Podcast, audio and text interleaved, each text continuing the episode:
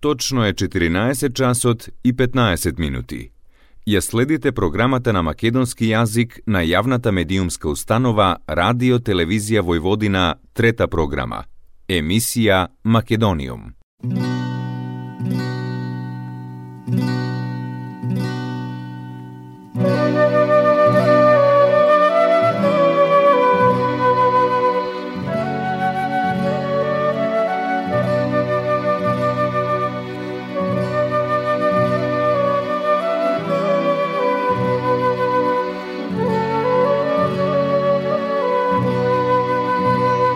Македониум.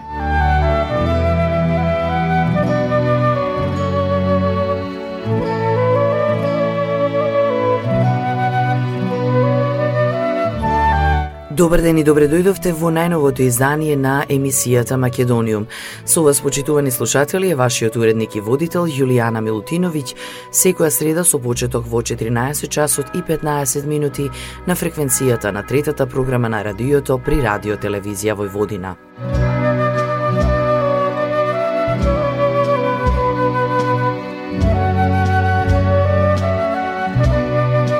Македониум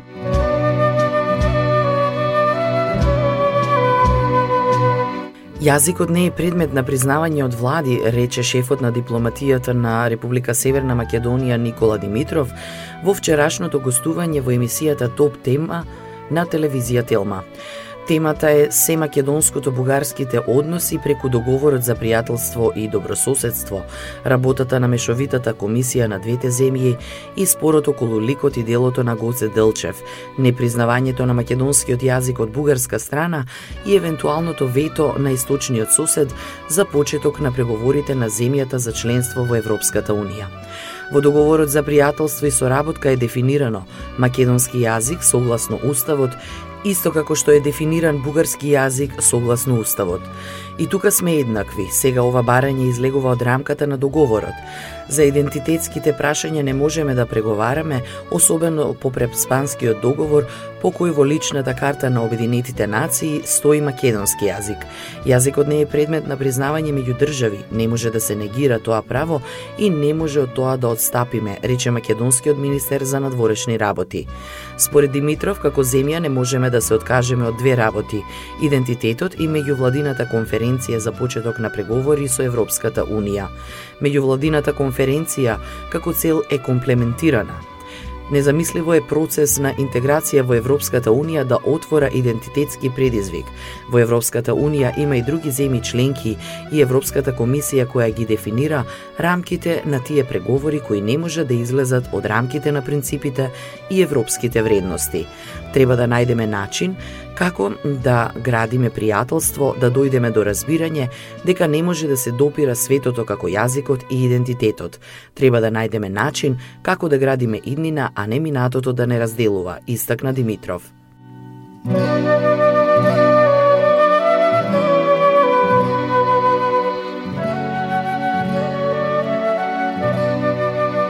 Македониум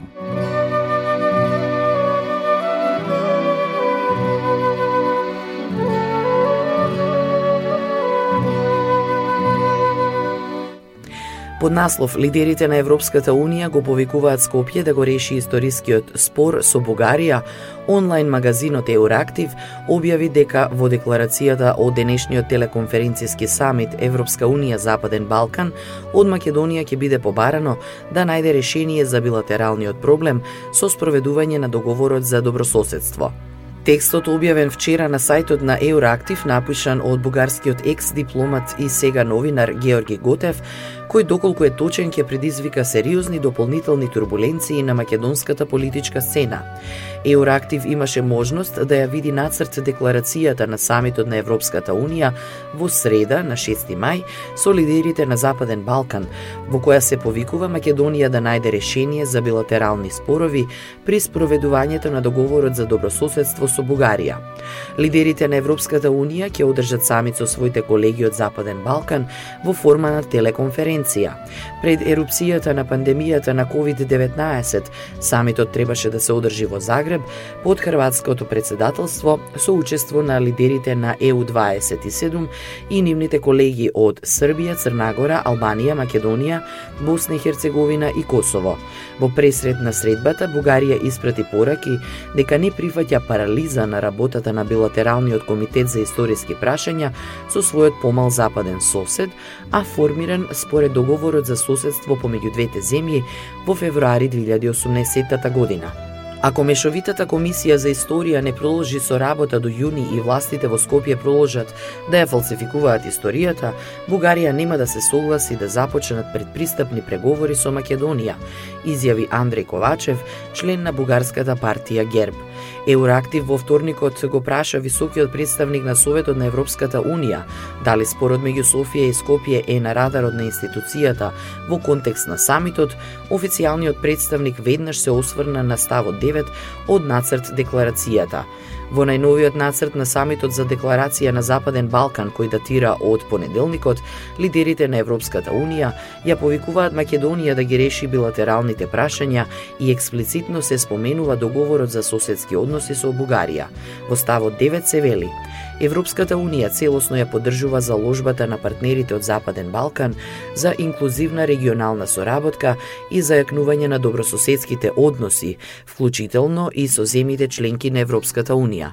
Спроведувањето на билатерални договори со добра волја и со материјални резултати, вклучително и договорот од Преспа со Грција и договорот за добрососедски односи со Бугарија, остануваат важни во оваа насока.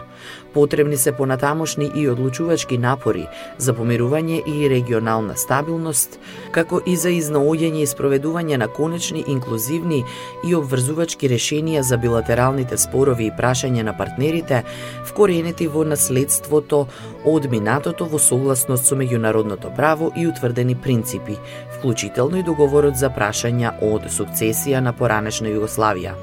Еурактив додава, под децениско владење на националистичката ВМРО ДПМН на Никола Груевски, Скопје не правеше обиди за достигнување на европска интеграција и само бараше причини да ги обвини другите, во главно Грција, за блокирање на европската иднина на земјата. Доколку оваа политичка сила победи на следните парламентарни избори во Македонија, кои првично беа закажани за 12 април, но беа одложени заради пандемијата на коронавирус, голема е веројатноста земјата да остане блокирана и да ја обвини Бугарија како нејзин главен непријател. Ваквата политика имплицитно ја поддржува и официјален Белград, кој се плаши дека членството на Скопје во Европската Унија ќе помогне да се избегне зафаќањето на Србија воспоставено во поранешна Југославија.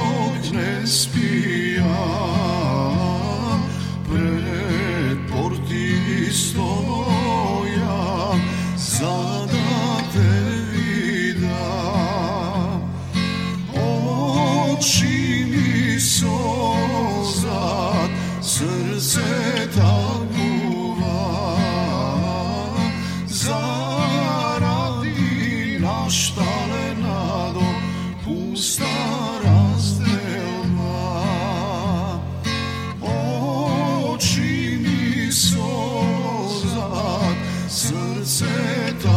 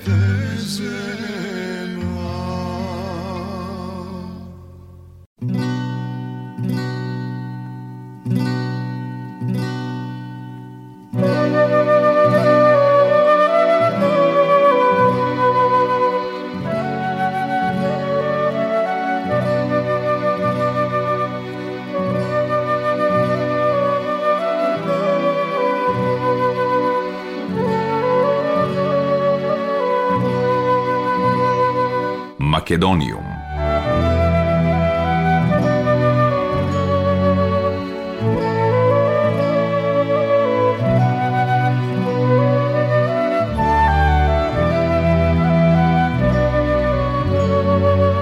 Министерството за животна средина и просторно планирање во Република Северна Македонија информира дека на денешната седница на владата ќе бидат освоени иницијативите за заштита на две подрачја во Република Северна Македонија – Шарпланина и Осоговските планини.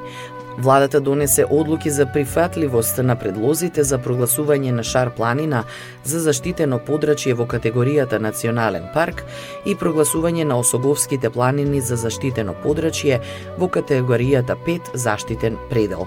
Согласно законската процедура за прогласување на заштитени подрачја во предстојниот период ќе бидат спроведени јавни расправи по предлозите со локалното население, како и сите засегнати страни и по усогласувањето на мислења прашањата и забелешките ќе бидат изготвени конечни предлози за прогласување на овие локации. Во однос на одлуките, министерот Нуредини порачува.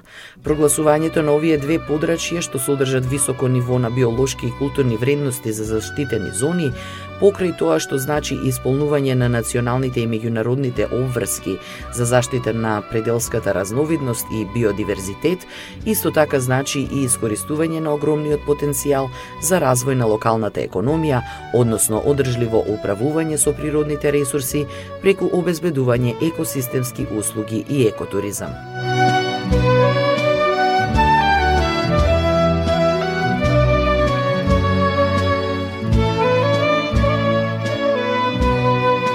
Македониум.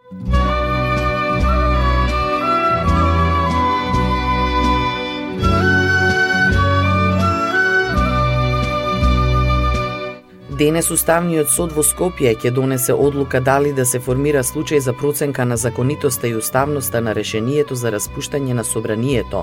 Во консултации меѓу судиите ќе се донесе одлука дали иницијативата на судијата на Уставниот суд Осман Кадрију ќе биде ставена на дневен ред или не.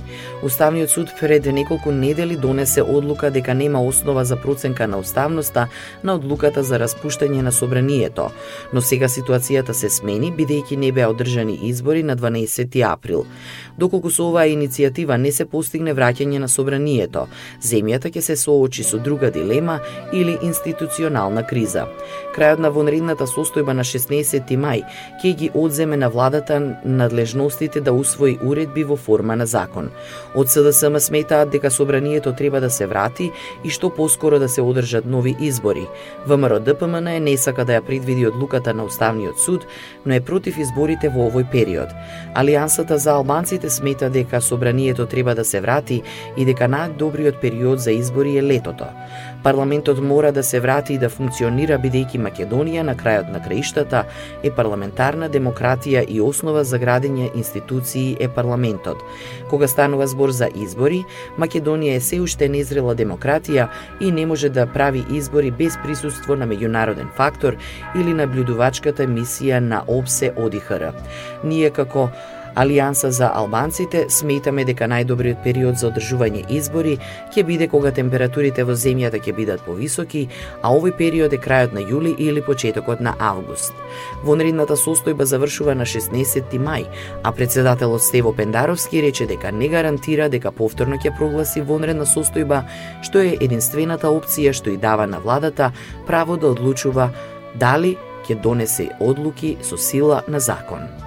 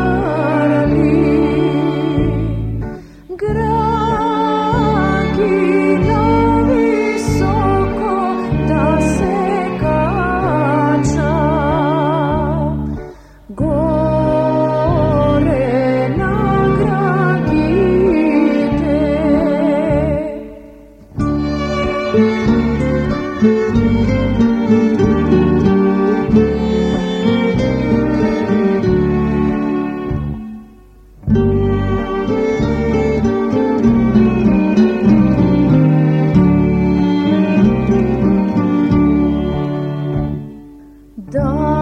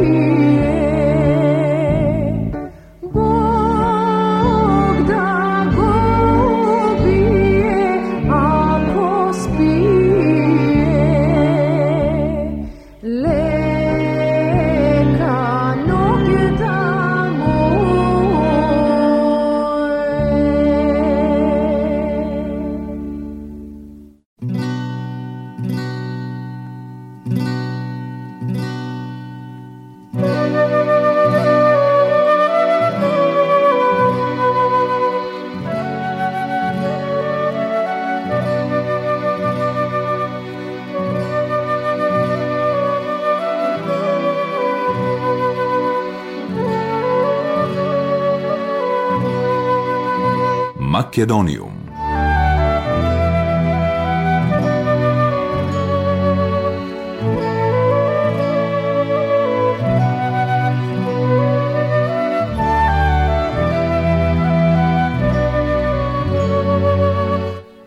Лидерот на СДСМ Зоран Заев изјави дека мора да бидат одговорни кон државата и да го прифатат првиот момент за избори, а најоптимално тоа би било во средината на јуни.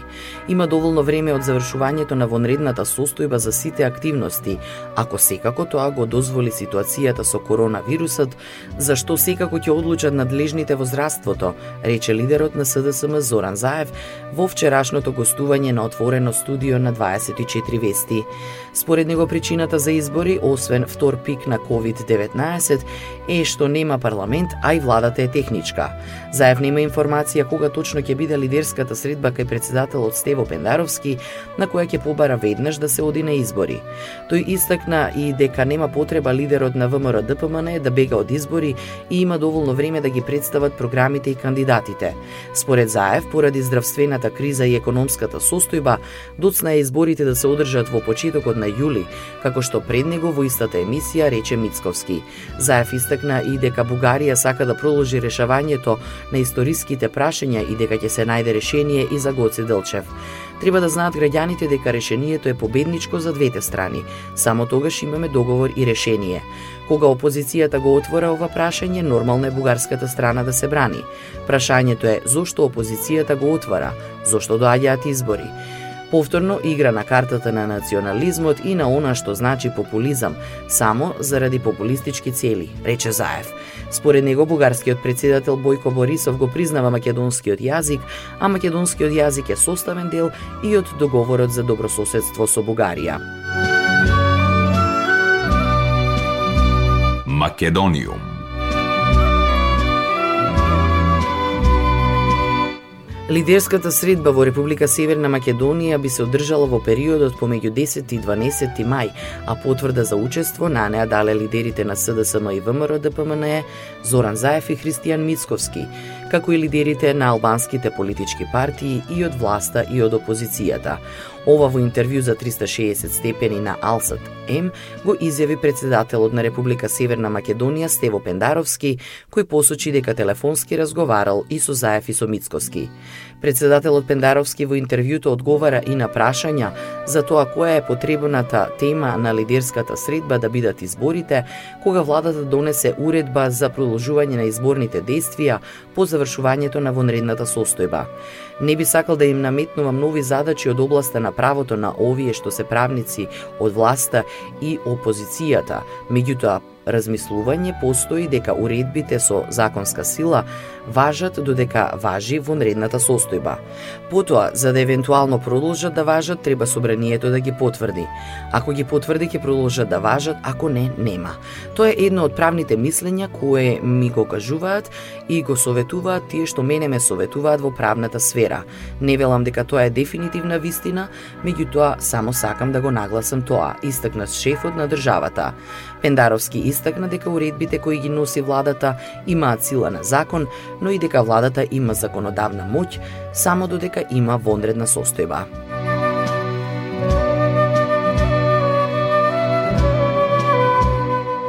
Македониум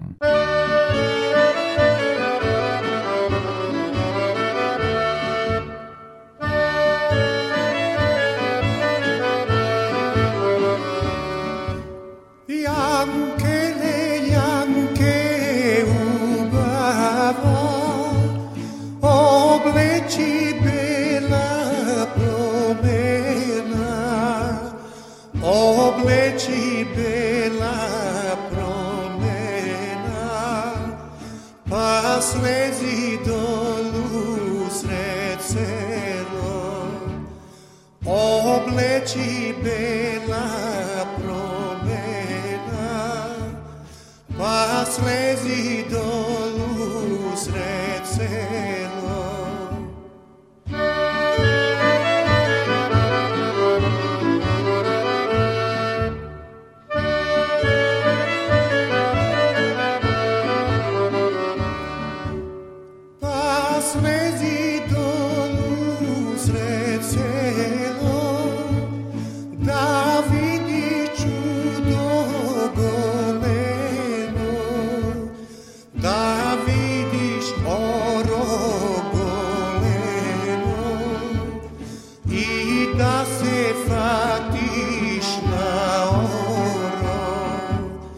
Davi.